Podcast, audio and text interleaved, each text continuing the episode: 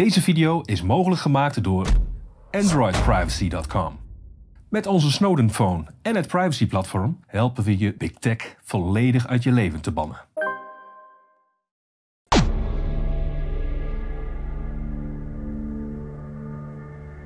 Hallo mensen en welkom bij dit tweede gesprek bij Café Weltsmerts in een drieluik. Uh, een drieluik waarin we in het eerste gesprek vooral het gehad hebben over hoe overheden, hoe eigenlijk de mainstream techbedrijven op commerciële wijze toegang krijgen tot een hele hoop data van de burgers. En uh, waar we het nu over gaan hebben is hoe overheden uh, via het aanpassen van wet en regelgeving steeds meer toegang vergaren tot die grote bak data, waardoor ze eigenlijk indirect via die bedrijven de burger bespioneren. Uh, ik zit hier met Hanno Wisse. Hanno, welkom. Dankjewel. Uh, Hanno, je bent hier al vaker geweest. Uh, de, de vervente Weltsmertskijker zal je misschien al kennen, maar kan je jezelf heel kort even introduceren? Nou, ik ben dus juriste en uh, ik heb een tijdje hier het Juridisch Weekjournaal ge, ge, gepresenteerd samen met Marie-Louise Jeannette. -huh. En tijdens het juridische weekjournaal gaven we dan een, ja, een, vaak een verdiepend kijkje op wat er op dat moment speelde, belangrijk was. Ook met betrekking tot corona, maar ook andere onderwerpen. Onderwerpen ook onder andere als bijvoorbeeld digitale identiteit en CBDC, Central ja. Bank Digital Currency. Ja, ja, dat zijn ook onderwerpen die raken waar we, aan het onderwerp waar we nu vandaag over spreken Zeker, natuurlijk. Dus privacy. Dus ja, dat is een klein beetje een introductie. Oké, okay. nou, hartstikke leuk. Ja, want het is heel belangrijk, want heel veel mensen denken dat de overheid ze direct bespioneert. Uh, in sommige gevallen is dat ook wel zo, maar het grootste deel van het vergaren van de data gaat eigenlijk via die big tech bedrijven. Uh, dat is ook een van de belangrijkste zaken die wij benadrukken, omdat op het moment dat mensen zich dus loskoppelen van die bedrijven, dan valt ook een groot deel van de spionage weg. Nou goed, dan kom ik al bijna een beetje bij de oplossingen. Dat is vooral uh, het derde luik. Dus dat is de video die hierna komt. Uh, met jou wil ik het vooral even hebben over de wet en regelgeving. Want hoe komt die wet en regelgeving nou tot stand? Hoe, hoe komt het nou dat, dat overheden via die wijze steeds meer data kunnen verzamelen? Nou, het is natuurlijk gewoon uh, wat in de wet staat. Hè. Dat is gewoon hoe je het regelt. En vanuit Europa hebben we natuurlijk ook wet, wet en regelgeving. Bijvoorbeeld de Algemene ver, uh, Verordening Gegevensbescherming. Daar hebben we hier in Nederland de Uitvoeringswet, Algemene Verordening uh, Gegevensbescherming, vooropgesteld om die in Nederland dan door te voeren. Mm -hmm. en die wet die, die verplicht er bijvoorbeeld om voordat jij verplicht bijvoorbeeld om een, uh, een, algemene voorwaarde te accorderen en, en een lijst met privacy-eisen te accorderen mm -hmm. uh, voordat je met uh, bepaalde partijen in zee gaat. Mm -hmm. dat zijn natuurlijk lijsten die de meeste mensen volledig boven het hoofd uh, groeien. Hè? Want het is allemaal juridische taal opgesteld. Ja. Niemand leest die lijsten. Maar de gedachte ja. erachter is dat je weet waar je ja op zegt. Hè? Ja. En daarnaast hebben we natuurlijk ook de telecommunicatiewet. Hè? En de telecommunicatiewet kent een cookiebepaling. En dat betekent dat het verplicht is als je een site bezoekt... dat je vooraf eventjes uh, een vraag krijgt van uh, ga je akkoord met alle cookies of uh, wil je een nadere selectie maken? Dat komt daaruit voort. Ja. Dus dat ja. wil eigenlijk een beetje zeg maar, dat op een fatsoenlijke manier regelen. Punt is alleen dat het niet, vaak niet op een fatsoenlijke manier geregeld is in de praktijk. -hmm. Omdat uh, ja, het vaak niet precies duidelijk is welke data er allemaal uh, van jou worden vergaard. Ja. He, dus we komen ook uit bij het onderscheid tussen natuurlijk van uh, ja, gewone data en metadata bijvoorbeeld. Hè. Metadata zijn gedragsdata. He, dus en, gedragsdata, daarvan leeft bij heel veel mensen het idee dat die gedragsdata eigenlijk niet zoveel over jou zeggen. dus het woord gedragsdata is een woord wat nog maar onlangs in, in zwang is geraakt. Hè? Mm -hmm. dat, is, dat is een benoeming van die metadata om iets duidelijker te maken. Die metadata niet zomaar toevallige data zijn. Ja, over jou, waar je toevallig ergens bent. Of uh, uh, dat soort zaken. Of welke tijd je inlogt. Hè? Mm -hmm. Maar dat zijn data. Als er maar genoeg daarvan wordt vergaard, dan kan er ook daadwerkelijk iets uh, over jouw persoonlijkheidsprofiel verschijnen. Ja, dan heb je veel meer inhoudelijke kennis eigenlijk op basis van die metadata. Ja. Dus misschien even heel in het kort voor de kijker. Metadata is data die heel veel zegt over de context. Ja. Uh, maar niet zozeer over de inhoud van een bericht. Ja. Dus uh, stel je voor dat ik de zelfmoordlijn bel, even een naar voorbeeld, maar uh, dan is er niet bekend wat ik via de telefoonlijn heb verteld, maar wel waar ik naartoe heb gebeld, wanneer ik heb gebeld, uh, hoe lang ik heb gebeld.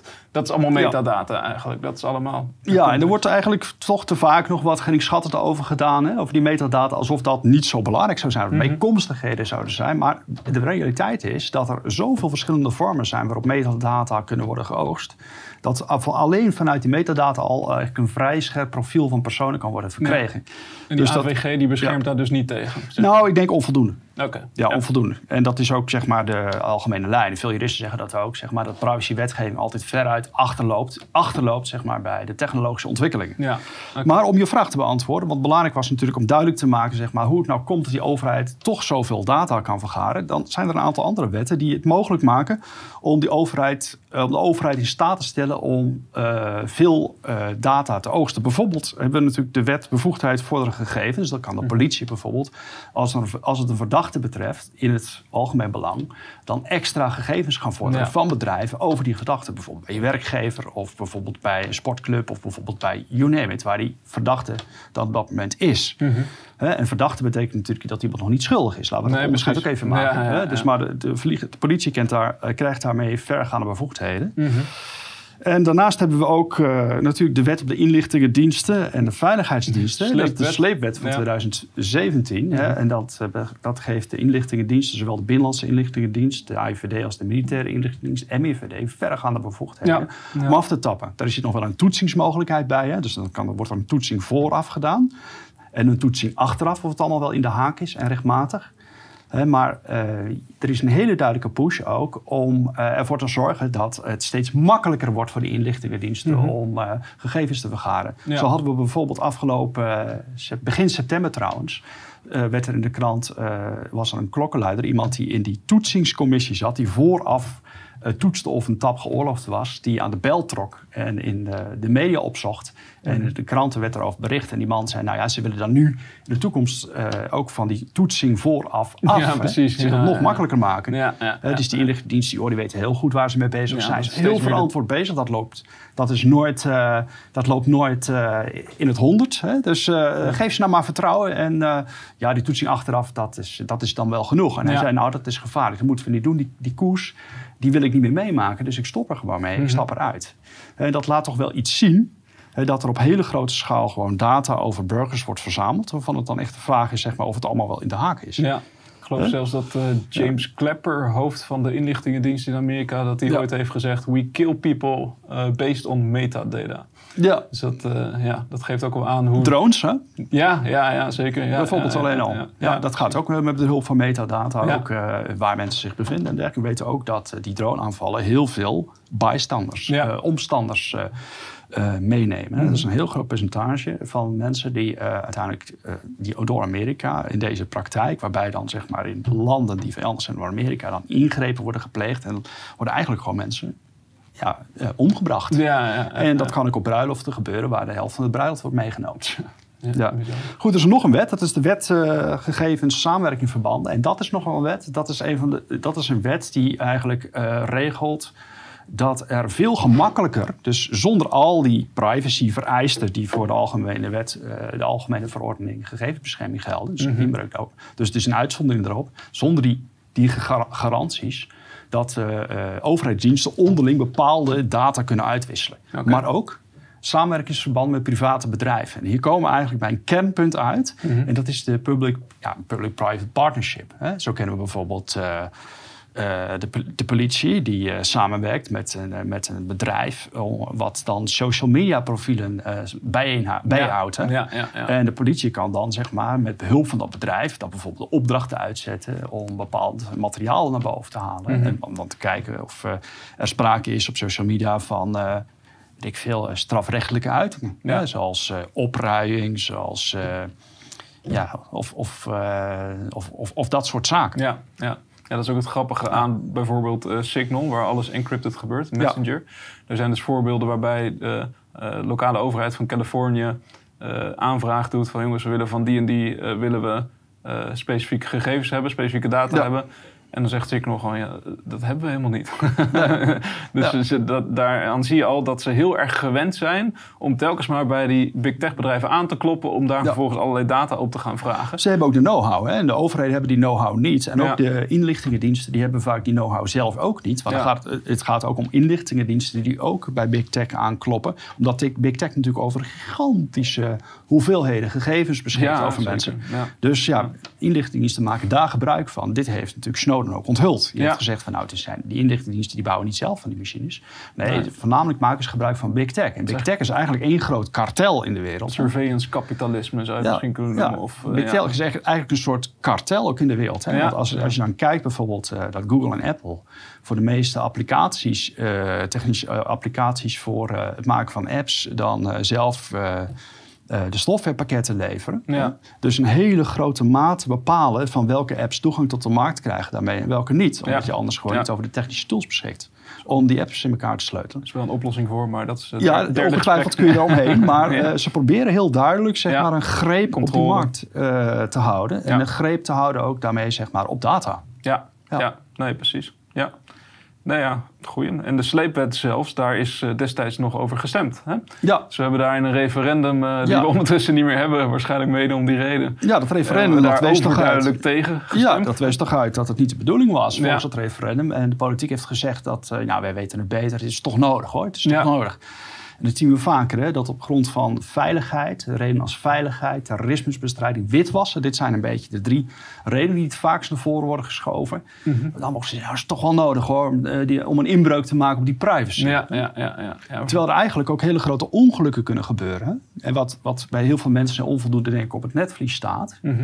Want eh, ja, er worden dan hele grote datacollecties aange- aangelegd. Hè. Dat gaat dan door middel van data mining. En dan krijg je risicoscoring. Dat betekent gewoon eh, risico's eigenlijk eh, toewijzen aan bepaalde, aan, bepaalde, aan bepaalde uitingen bijvoorbeeld. Hè. Mhm. Dus ik weet het niet precies. Maar Predictive policy. ja, daar kom je bij. Ja, precies. Daar kom je dan uiteindelijk ook bij uit. Maar goed, eerst heb je natuurlijk zeg maar eh data mining, risicoscoring en dan heb je machine learning. Hè? Want Ja. als je eenmaal risico's hebt eh, toegevoegd aan bepaalde gedragsuitingen, dan kun je patronen gaan zien. Ja. Dan komt dat machine learning komt dan eh, in beeld. Hè?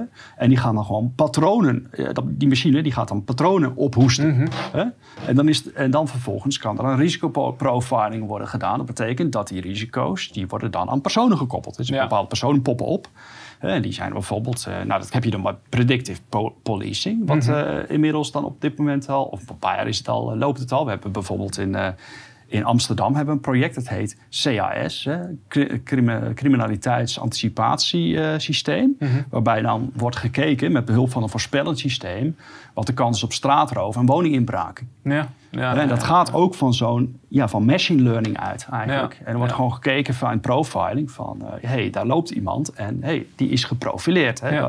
Daar is dus een kans aan gehecht, dat, een grote kans aan gehecht dat hij wel eens een woninginbraak zou kunnen doen. Ja. Jongens, we sturen een politieauto op af. Die man die moet eventjes aangehouden worden, ja, bijvoorbeeld. Dus het bevindt zich al veel verder dan wat mensen eigenlijk denken. Mensen beseffen, de meeste mensen beseffen überhaupt niet eens dat er profielen van ze bijgehouden worden. Nee. En dat al die databases op de achtergrond allemaal Ja. aan elkaar gekoppeld worden, waardoor het best wel datarijke profielen zijn ook. Ja, er worden ontzettende datacollecties bijgehouden van mensen op tal van, van, eh, van manieren. En het is niet alleen de politie die dat doet, het is ook de Belastingdienst die dat doet. Ja. Die houdt ook allemaal datapools bij van Ja. mensen. Die, eh, het is bekend dat bijvoorbeeld de Belastingdienst een Gaat tijdje geleden... Ja, er gaat heel veel eh, dingen fouten komen er zo op. Maar bijvoorbeeld de gegevens wilden hebben van camera's langs de snelweg... zodat dan auto's konden worden uitgelezen. Ja. En dan kon, je, ja, daar kon je ook patronen van maken. En uiteindelijk kon je dat dan toepassen om te kijken of mensen niet in een zakelijke auto te veel privékilometers hadden Ja, gereden. ja, ja, ja. Hè, wat natuurlijk met je belastingaangifte eh, te maken Oh, dat heeft. is handig. Ja, dus eh, de Belastingdienst vindt het ook hartstikke interessant. hè. Mhm.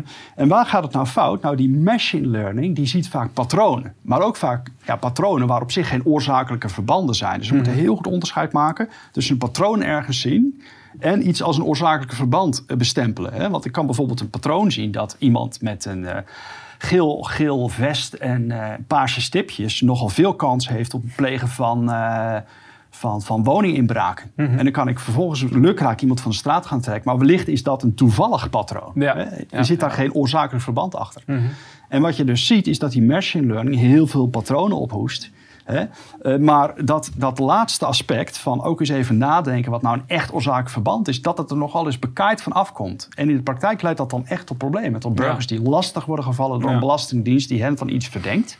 Maar Ja, wat eigenlijk nergens op slaat. nee, hè, op basis van patronen. ja, op basis van patroonherkenning. Ja. Hè, Dan kun je dus echt, kan, je, kan, eh, kan het je knap lastig worden gemaakt op bepaalde instanties. Mhm. Nou, mensen die bijvoorbeeld een keer naar Amerika zijn gereisd eh, eh, om daar eh, vakantie te vieren of familie te bezoeken of wat dan ook, of zakelijk, die zullen ook mee hebben gemaakt dat ze heel formulier moeten invullen en met van alles en nog wat. Dat is sinds- Vingerafdrukken. Vingerafdrukken. Dat is sinds 9-11 een beetje bon ton. Hè? Mhm. Alle kanten wordt je bekeken. En ook kan het voorkomen dat je daar nog apart wordt genomen. Dat je een heel verhoor krijgt. En eh, we weten ook dat in Amerika sprake is van zwarte lijsten. Dus een no-fly list. Bepaalde mensen, Mhm. Ja. daar, ja, daarvan is dan blijkbaar vastkomen te staan. Onder andere ook door dit soort machine learning Mhm. eh, eh, processen. Dat die, ja, dat die onwelkom zijn in Amerika. En er zijn ook, zeg maar, ja, je zou dat kunnen zeggen, grijze lijsten. Dat is een lijst van mensen waarvan vermoed wordt dat ze wellicht een bedreiging kunnen vormen voor het veiligheidsrisico van, of een veiligheidsrisico kunnen opleveren voor Amerika. Ja. En die moeten dan nader verhoord worden om dat veiligheidsrisico te testen. En dan word je allemaal ja. uitgeplukt en dan word je zeg maar eh, een tijd lang verhoord. Mhm. Nou, soms kan dat misschien reëel zijn. Maar het levert een hele hoop eh, stress en een hele hoop, eh, pro- een hele hoop, ja, een hele hoop tijdsverlies op. Ja, ja, ja. En vaak blijkt het ook achteraf dat er allemaal ja, van alles op jou geprojecteerd is. Hè, aan patronen, wat helemaal niet waar blijkt te allemaal zijn. labels geplakt voordat je überhaupt kan verdedigen. En je mag dan geluk hebben als je dan in een eh, gesprek in staat bent om dat allemaal fatsoenlijk te weerleggen. Ja, Maar het kan ook verder gaan. Hè? Dat, eh, dat, je op, dat, je, dat het niet zo makkelijk te weerleggen Nee. is. En dat je dan eh, met allerlei andere problemen opgezaald ja, wordt. ja. Dus eh, onschuldig tot het tegendeel bewezen. Ja. Dus dat verdwijnt een beetje op die wijze. Ja, in de sociale wetenschap zeggen we natuurlijk ook wel vaak dat een belangrijk adagium in de sociale wetenschap is dat correlatie nog geen causatie betekent. Mhm. Hier gaat het om, dat is heel belangrijk. En hier gebeuren heel veel fouten mee als het gaat om machine learning. Ja, En we hebben natuurlijk ook in, in, eh, ja, in, dit, in dit gebied hè, van, eh, van datacollectie... hebben we natuurlijk ook allemaal mensen die er boeken over schrijven... en dan al ons fabelachtige toekomst te beloven. Dan hebben we ook iemand die heeft een boek geschreven over social physics. Hè, die ziet het dan als social physics. En die man die, eh, die zegt dan van... eh, ehm, die zegt dan van, eh, joh, we kunnen eigenlijk humanities wel afschaffen en social sciences bijna wel afschaffen. Eh, alles wordt nu IT. Hè, want IT die zal ons alle patronen brengen hè, die ons inzicht geven in het menselijk gedrag. ja. Met andere woorden, dan zien we dat die man veel te kort door de bocht gaat. Ja, ja, ja. En eh, nou, eigenlijk is het natuurlijk een marketingverhaal hè, voor juist data mining. Precies, Voor big data. Ja. Daar gaat het om. En daarom heeft hij dat boek natuurlijk geschreven. Hè. Dat, eh, het is natuurlijk, zeg maar, uiteindelijk is het zeg maar, te kort door de bocht. Maar Mhm. hij wil natuurlijk iets verkopen. Hij wil natuurlijk vooral eh, onderstrepen dat big data alles is waar het op dit moment om draait. Ja, precies. Want als we big data hebben, kunnen we van alles voorspellen. Dan kunnen we de wereld beter runnen. En dan kunnen we ook dingen beter verkopen. En dan zijn het nu nog eh, rechters die uiteindelijk bepalen of jij wel of niet schuldig bent. Maar Ja. ik geloof dat er zelfs al voorbeelden zijn geweest van AI-rechters die gaan bepalen of jij Ja. wel of niet eh, iets fout gedaan hebt. Ja, goed. En daar dat zullen we ook, zeker als die algoritmes niet ver genoeg doorontwikkeld Dan zijn. krijg je flinke problemen. Ja, dan krijgen we ook problemen. Dan krijgen we dus patronen die veel te snel worden ingevuld. Oorzakelijke verbanden die eigenlijk geprojecteerd worden in van die patronen die er niet zijn. En Nee. daar krijgen we, dus, krijgen we dus ongelukken van. Ja, Ja. ja. Ja, En dat wordt zeker op dit moment in dit stadium nog veel te weinig onderkend. Ja. Dus je kunt, ja. En verder is ook een ander probleem natuurlijk van eh, het oogsten van, eh, ja, van, van gedragsdata. Dat als mensen heel veel over jou weten, jij ook uitstekend gemanipuleerd kan worden. Hè? Dat jij subliminaal eigenlijk eh, ge- verleid kan worden tot van alles en nog wat. Ja. En gemanipuleerd kan worden. Mhm. Ehm, ja, dus bijvoorbeeld een voorbeeld dat jij, weet ik veel, je bent wat, eh, je leidt tot een overgewicht. En je, nou ja, goed, op een gegeven moment ga je dan eh, allerlei afslagpillen googlen en zo. En, eh, en dat wordt dan opgepikt en dan denkt men, oh, hé, hey, ehm, het is ook iemand die heel graag af en toe een Big Mac lust. En Ja, eh, weet je wel, we gaan Ja. hem voortaan ook eens, eh, dat is vervelend, dat levert dan inkomstenverlies op. We gaan hem eh, extra adver- advertenties sturen van zijn favoriete hamburger bij, weet ik Ja. veel, de Burger King. ja precies. Ja, dat, het is een plat voorbeeld wat ik nu geef. Maar het laat wel zien dat door middel van dat data verzamelen de hele tijd. En dan Mhm. profiling. Op een duur een heel scherp beeld van jou kan worden gekregen, van, vergaard van wie je nou precies bent. Ja. En dat betekent ook dat we jouw omgeving zodanig kunnen gaan inrichten door middel van algoritmes en het voorsorteren van keuzes. Makkelijk eh, dat jij een vrij voorspelbare keuze gaat maken ja. Voor, eh, voor bijvoorbeeld A in plaats van B. Dat is bij, bij Google ook eh, daadwerkelijk. Die zijn door, voor de rechter gesleept door meneer... Ben heel even eh, zijn naam kwijt. Die heet ook Epstein trouwens. Niet, niet de Jeffrey Ja. Epstein, maar eh, Robert Epstein geloof ik. Dat is wel een goede kerel. Ja. Die, eh, die deed onderzoek naar het manipulatieve van Google. Hoe zij eigenlijk of, de verkiezingsresultaten hebben gemanipuleerd. Ja. Wat ze gedaan hebben, ze wisten dus precies op basis van profielen welke mensen een beetje zwevend waren. Want dat zijn de mensen die natuurlijk gevoelig zijn voor Ja. Informatie, omdat ze nog een keus moeten maken. Je hebt een bepaalde mensen die hebben een heel strak wereldbeeld en die houden daar gewoon aan vast. Die zijn wat moeilijker te manipuleren, maar die mensen die zweven, eh, daar hebben ze dus gewoon bewust eh, zoekresultaten op aangepast. Bepaalde resultaten omhoog geplaatst, andere weer naar beneden. En eh, ja, op die wijze dus gewoon echt verkiezingen beïnvloed. Ja. En dat, eh, ja, dat, dat bekend. geeft ook aan op basis Ja. van die profielen wat er allemaal mogelijk is. Hè, wat Ja, het is bekend dat Facebook ook gewoon deals sluit met eh, ja, vertegenwoordigers van politieke partijen, uh, campagnestrategen, Ja, om eh, campagne te voeren op Facebook. En dat is natuurlijk eh, heel slim. Want Ja. eh, als je inderdaad op die manier, zoals jij het nu beschrijft, door inderdaad de omgeving aan te passen, de context te manipuleren, mensen toe kan verleiden om tot een bepaalde stem, ja, dan eh, heb je ze wel zover dat ze. Dat ja ze zonder dat je het eigenlijk door hebt. ja, precies. Dat, eh, zonder dat ze het doorhebben. Maar ja. dat is wel iets om over na te denken. Ja. Dat, dat werkt des te beter naarmate er meer data over jou bekend zijn. Ja, Kun, je, kun je des te beter, des te meer gemanipuleerd worden. ja, ja. En nog een derde aspect zou ik ook willen noemen. Dat is dat die data vaak blijven bestaan. Dus er worden ontzettend grote databakken, eh, vergaarbakken eh, natuurlijk door grote bedrijven over ons eh bijeen verzameld. Mhm. Maar eh, Wordt het betekent ook. Betekent ook dat die data die blijven, en naarmate de doorzoekmogelijkheden beter worden, kan het ook betekenen dat, de dat oude data die er heel lang liggen, later Ja. nog eens een keer een bestemming krijgen. Ja, dat zie je ook wel eens met In Twitter. nieuwe- hè, dat iemand Ja. een oude tweet ooit een keer heeft geplaatst en daar nog op afgerekend wordt nu. Van, eh, hoe kan je dat toen gezegd hebben? Terwijl de hele context misschien heel anders was destijds. En, Ja, eh, precies. En dan kan er ook dus in dit opzicht kan er in principe ook function creep optreden. Dat betekent namelijk dat in eerste instantie data die voor een heel ander doel vergaard is, later een heel andere bestemming kan krijgen, omdat dat uitkomt. ja, later. Ja, ja, Dus, eh, ja precies. Ja. Dus eh, dat betekent dat, eh, dat in dat opzicht ook een bepaalde, bepaald risico eh, ligt aan, aan het feit dat wij zo eigenlijk zoveel data verliezen de hele tijd. Ja. Zie jij dit ooit opgelost worden door middel van het terugdraaien of weer aanpassen van wet en regelgeving?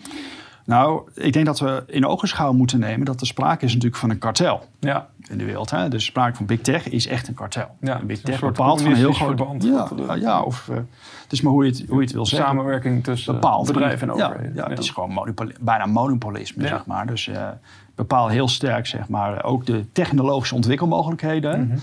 Dus je, ehm, eh, zij, zij overzien gewoon de markt en ze bepalen eigenlijk wat mag bloeien en wat moet doodgaan. Ja. Dus datgene wat ze niet kunnen gebruiken, dat laten ze afsterven binnen die markt. Dat, dat kan in de verdrukking worden gebracht. Omdat ze een hele sterke partij zijn in de markt, kunnen ze die er makkelijk uitdrukken. Mhm. En zeker omdat zij zeg maar, voor bepaalde technologische oplossingen van een hele bepaalde, bepaalde wijze ja, onderdelen leveren. Dat wil niet zeggen dat je er niet omheen kan, want het is lastig. Mhm. Dan is het, zijn ze heel bepalend in die markt. En Ja. dat is eigenlijk killing voor eh, innovativiteit ook. Zeker, En dat ja, is eh, ja. ook voor efficiëntie en effectiviteit is dat eigenlijk killing. Ja. Dus eh, eh, dat is, kijk, en er is daarnaast, als ze zo'n sterke positie hebben in de markt, ja, dan werkt dat ook eigenlijk samenwerken met overheden in de hand. Hè? Dus collaboratie met Mhm. overheden. Want die overheden die willen veel data over burgers hebben. Dus die, die voelen zich dan aangetrokken natuurlijk tot die grote techgiganten Ja. om dat voor hen te leveren. Ja, ja, ja. Ja. Dus het, eh, aan alle kanten levert dat eigenlijk een systeem op, wat eigenlijk niet bevorderlijk is Nee, voor eh, onze Nee. vrijheid. ja, ja. En eh, voor ja, het goede leven eigenlijk. Als burger. In de maatschappij. In een samenleving. Vooral het woord, samenleving. Nee, zeker. Ja. Dus ehm, eh, dat is iets echt om serieus over na te denken. Ik denk dus niet zozeer dat het heel snel opgelost moet worden. Maar ik denk dat, of, dat het heel snel opgelost kan worden op statelijk niveau. Mhm. Vanwege deze situatie die ik juist beschreef. Die veranderen je eenmaal niet zomaar. Nee. Maar als, ja, als daar meer op, eh, ja, op individueel niveau eh, Ja. oplossingen voor zijn, dan is dat natuurlijk mooi. En die Ja. zijn er ook. Je moet om die tech heen. Ja, ja, daar focussen wij ons eigenlijk eh, vooral op. Hè, door, door oplossingen te bieden, mensen weg te laten bewegen van big tech. En aan de set van een aantal kernwaarden, set kernwaarden, maken we keuze voor andere technologie. Ja. Hè? Dus het liefst free, altijd free en open source software, zodat iedereen de code kan zien. Eh, altijd het gebruik maken van encryptie voor privacy, en veiligheid. En eh, daarnaast ook altijd of zoveel mogelijk gebruik maken van Web 3.0 eh, gedecentraliseerde applicaties die niet zomaar. Makkelijk gestopt kunnen Hier worden. zal, hier zal de verandering moeten beginnen. Want als dit soort initiatieven veel naar boven komen, dan kan er later, wellicht op, eh, op, een, op, een, op een hoger niveau, eh, Ja. kan, er, kan er een translatie plaatsvinden in wetgeving. Ja, nee, maar zeker. eh, als Big Tech alles kaapt, dan, is er, Ja. dan zal het op dat niveau, op statelijk niveau, zal er geen verandering Nee, plaatsvinden. Dus eerst zal er inderdaad op diversificatie zal er moeten, moeten komen. Technische Ja. diversificatie, Ja. diversificatie ook. Nee, inderdaad. Er Ja. moet een, eh, een grassroots Ja. beweging, denk ik, komen. Hè? Van, Ja. van de bodem naar boven. Ik denk Ja. niet alleen technologie, maar ook bij een hele hoop andere problemen en Ja. onderwerpen. Ja, goed, privacy is denk ik een kernwaarde. Ook een, eh, kijk, als in onze democratie, ik denk dat onze democratie die we nu hebben aan alle kanten onder druk staat. Dat we zelfs kunnen twijfelen of we niet een façade democratie zijn op dit Mhm. moment. Hè. De vraag is in hoeverre, zeg maar, de democratische waarden in ons land op dit moment, eh, hoe, hoe, hoe er geregeerd wordt, nog eigenlijk voorop staan. Mhm. Maar eh, kijk, een belangrijke waarde van privacy is natuurlijk ook niet zozeer. Ja, is ook zeg maar dat eh, het een belangrijke. dat ieder mens heeft eigenlijk een soort van vrije ruimte nodig, als incubatorruimte ook, om eigen ideeën eh, te, te, te, te krijgen. Om eh, zich een mening over zaken te vormen, zich iets eigen te maken. En Ja. dat is een bepaalde ruimte die je nodig hebt, waar je moet proberen. Mhm. We kunnen niet 100% eh 24 uur per dag altijd onze beste kant tonen. Nee, ja, dat is, da- daarom vergelijk ik het internet Precies. vaak met een panopticon. Hè, dat, eh, die vergelijking heeft Snowden volgens mij ook gemaakt. Ja, dus die ruimte die hebben wij echt nodig, denk ik, ook eh, uit een samenlevingsopzicht en ook eh, in, in, in, in democratische optiek, Mhm. om deel te kunnen nemen op, aan, de maats- aan de maatschappij op een, Ja, op een zeker. constructieve manier. Ja. Hè, en misschien dat het de associatie opwekt, wat ik nu zojuist zeg van, ja, je bedoelt alleen maar dat je dan een beetje crimineel kan lopen doen in eigen kringen, dat niemand dat door heeft. Dan gaat het maar dus heel veel mensen doen dan zelfcensuur. Dat is, Ja, dat ja. is ook zo. Maar Ja. Mensen hebben ook ruimte nodig om dingen te proberen. Kijk, als ik een vakman bijvoorbeeld eh, iets nieuws laat leren, dan zal hij ook in, de, in het begintijd eh, zal hij ook even moeten worstelen. Want elk begin is moeilijk. Ja. En als ik alleen maar een, een cut-out neem van dat begin waarin hij eh, met iets nieuws geconfronteerd wordt, Mhm. iets wat hij op dat moment, waar hij even moeite voor moet doen om daarin te komen, dan kan dat er ook amateuristisch uitzien. Ja, Terwijl tuurlijk, ja. als ik dan zeg maar eh, datgene wat daarop volgt, bijvoorbeeld een paar uur later zou kijken, dan zie ik dat hij de stof beheerst. Ja. Maar als ik bijvoorbeeld die cut-out zou nemen, dat stukje eruit knip Mhm. en dat alleen naar voren zou, zou, zou, zou schuiven en dat alleen eh, zou tonen aan de mensen, dan ziet dat er misschien uit voor mensen die niet de context kennen, de man niet kennen, uit als iets ja, waarin hij zeg maar eh, slecht overkomt. Ja, ja, precies. Dus we hebben allemaal experimenteel ruimte nodig. Allemaal Ja. ruimte nodig waarin we onszelf vinden. Ruimte nodig waarin we meningen kunnen vormen. Waarin we kunnen stoeien met dingen om iets Mhm. te proberen eh, meester te worden. Ja. En dat is echt een hele belangrijke kenwaarde. En die komt onder druk met wat we nu zien. Dat bijna alles wordt gem- gemonitord eigenlijk. Ja. Ja, en dat is misschien ook gelijk een, een oproep voor mensen. eh, laat je ook niet leiden door angst. Hè? Dus Ja. wetende dat, dat je eigenlijk in zo'n systeem leeft, Ja. is het misschien verleidelijk voor mensen om in hun eigen schulp terug te kruipen en, eh, en niet meer hun ware zelf te zijn. Precies, Maar dat heeft ook sociale maar- consequenties wat je zegt. ja, dan krijg je denk ik als je op Ja. je sterfbed ligt, krijg je er alleen maar spijt van. Dus, eh, Ja, en juridisch gezien komen we ook weer natuurlijk in een problematische spanning terecht. Want ja, met dat er zoveel data worden vergaard over mensen, dan zien we eigenlijk dat, zeg maar, dat ja, die datavergaring en die profilering erto- ertoe leidt dat mensen eigenlijk los van het strafrecht al een soort verkapt als verdachte worden aangemerkt met betrekking tot iets. Ja, ja. Dat, heeft dan weliswaar, dat is weliswaar niet eh, gerelateerd aan, eh, aan een strafrechtelijk, per se gerelateerd aan, een, aan iets strafrechtelijks. Maar wel mensen die krijgen ja, bepaalde risico's opgedrukt. Ja.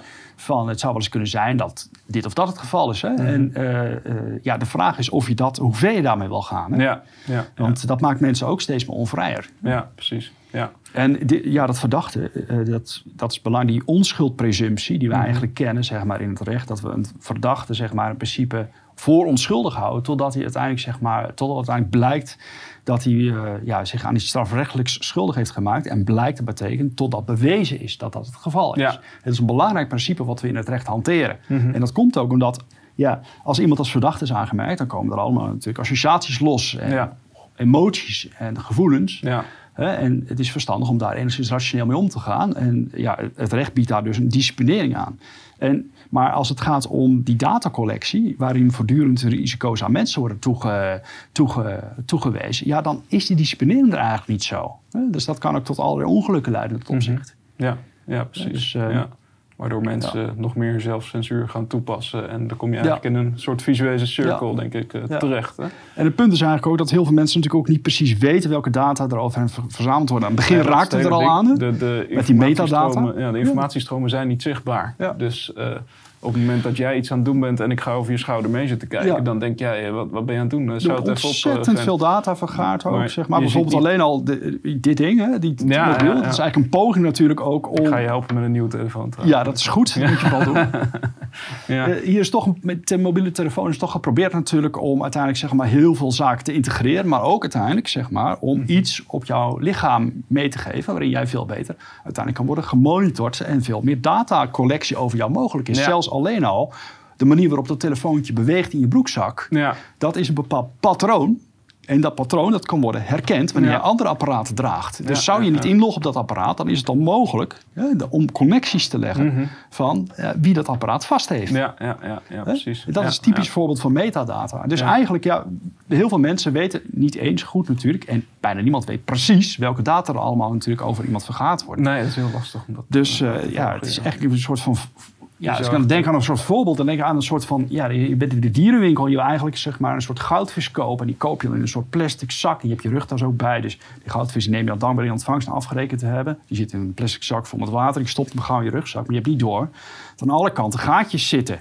Zeg maar die plastic zak. En dat stroomt er aan alle kanten uit. Een beetje naar boven, een beetje naar rechts, naar onder. Ja, En als je thuis bent, doe je je rugzak open. En dan, eh, ja, dan zie je eigenlijk dat die goudvis naar adem ligt te snakken. En dat is Ja, eigenlijk de ja, privacy. Dat is eigenlijk het symbool van de privacy. ligt naar adem te snakken in een eh, gerimpelde, verkreukelde plastic zak. precies. Dan kun En je dat twee is- dingen doen. Je kan proberen al die gaatjes te gaan dichten. Dus op zoek te gaan naar waar al die data dan precies ligt. Maar je kan ook gewoon een echte goede tas kopen. Precies. En ik denk dat dat het beste is om, eh, om te doen. Ja, Misschien waarin je dat zo'n vis ook kunt vervoeren op een diervriendelijke manier. Precies, ja, Ja. inderdaad. Privacyvriendelijke manier. Ja. ja. Nou, ik denk dat dat een mooie, mooie afsluiting is. Eh, we zijn het er dus inderdaad over eens dat eh, via de wet en regelgeving... dat we daar niet, waarschijnlijk op de korte termijn sowieso niet heel veel mee op gaan lossen. Waarschijnlijk wordt het alleen maar erger. Eh, dus mensen moeten zich echt gewoon gaan focussen op het gebruik van andere technologie. En eh, die oplossingen zijn er gelukkig. In mijn eh, derde gesprek met eh Shore Vestali spreek ik over die oplossingen.